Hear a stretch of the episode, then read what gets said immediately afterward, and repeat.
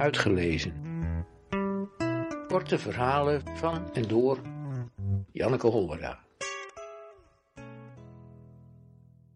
De man die me binnenliet.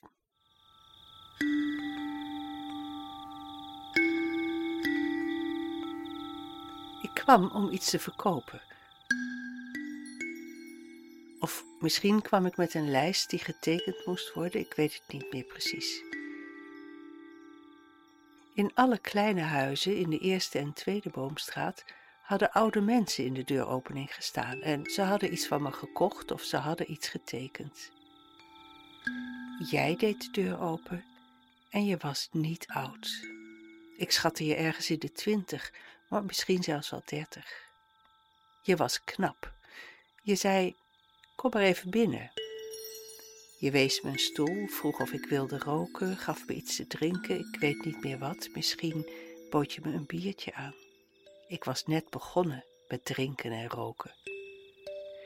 Je deed allemaal dingen waaruit ik opmaakte dat je mij zag als het soort mens dat ik probeerde te zijn. Vol van leven, spontaan, open en eerlijk en volwassen. En toen ging de bel.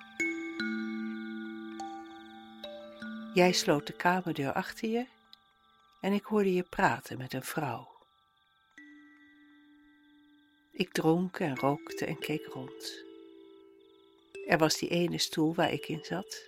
Er was een bureau, een leren tas, een paar schoenen en een bed. Een kast waar een stuk stof tussen de deur uitstak, een mouw of een pijp. Ondertussen hoorde ik jou maar praten tegen die vrouwenstem.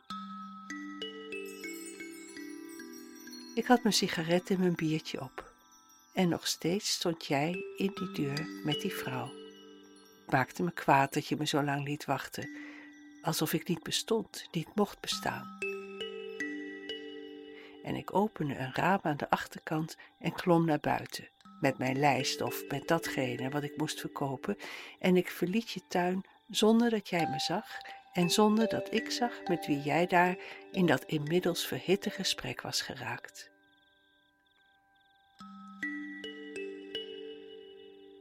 Vandaag begreep ik opeens hoe het zat.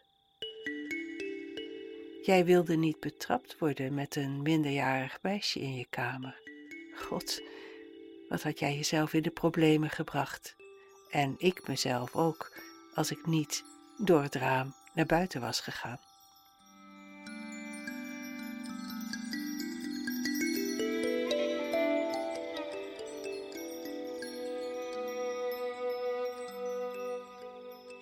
Brief aan een meisje.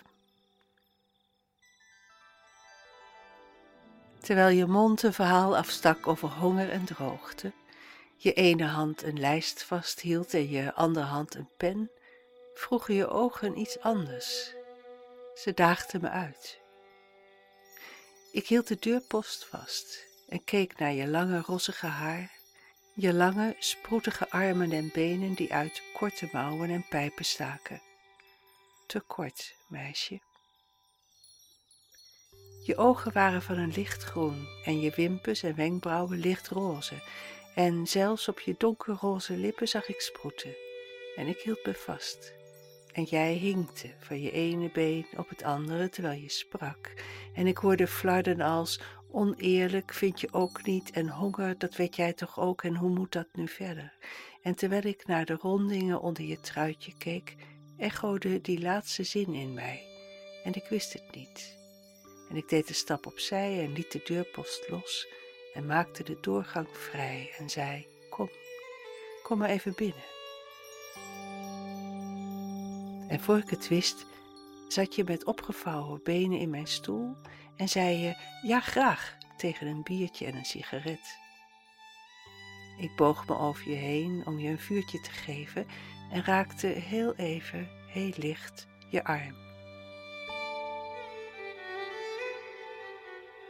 Ik voelde warme huid en kleine haartjes en tegelijkertijd het prikken van zweet op mijn neusvleugel.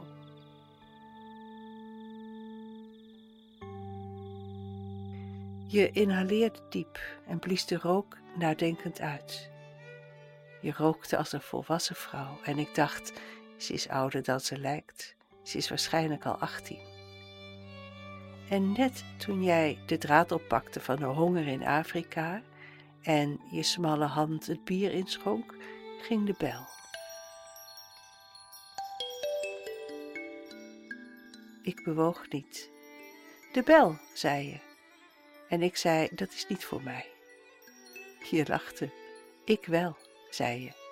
En ik knikte.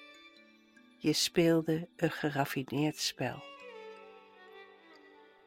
Toen werd er voor de tweede keer gebeld, dringender. En ik zei, eh, heel even, en trok de deur naar de gang dicht, zodat degene buiten niet zou zien dat er een meisje met lange blote benen in mijn stoel zat. Toen ik terugkwam, waren je biertje en je sigaret op. Het raam stond open.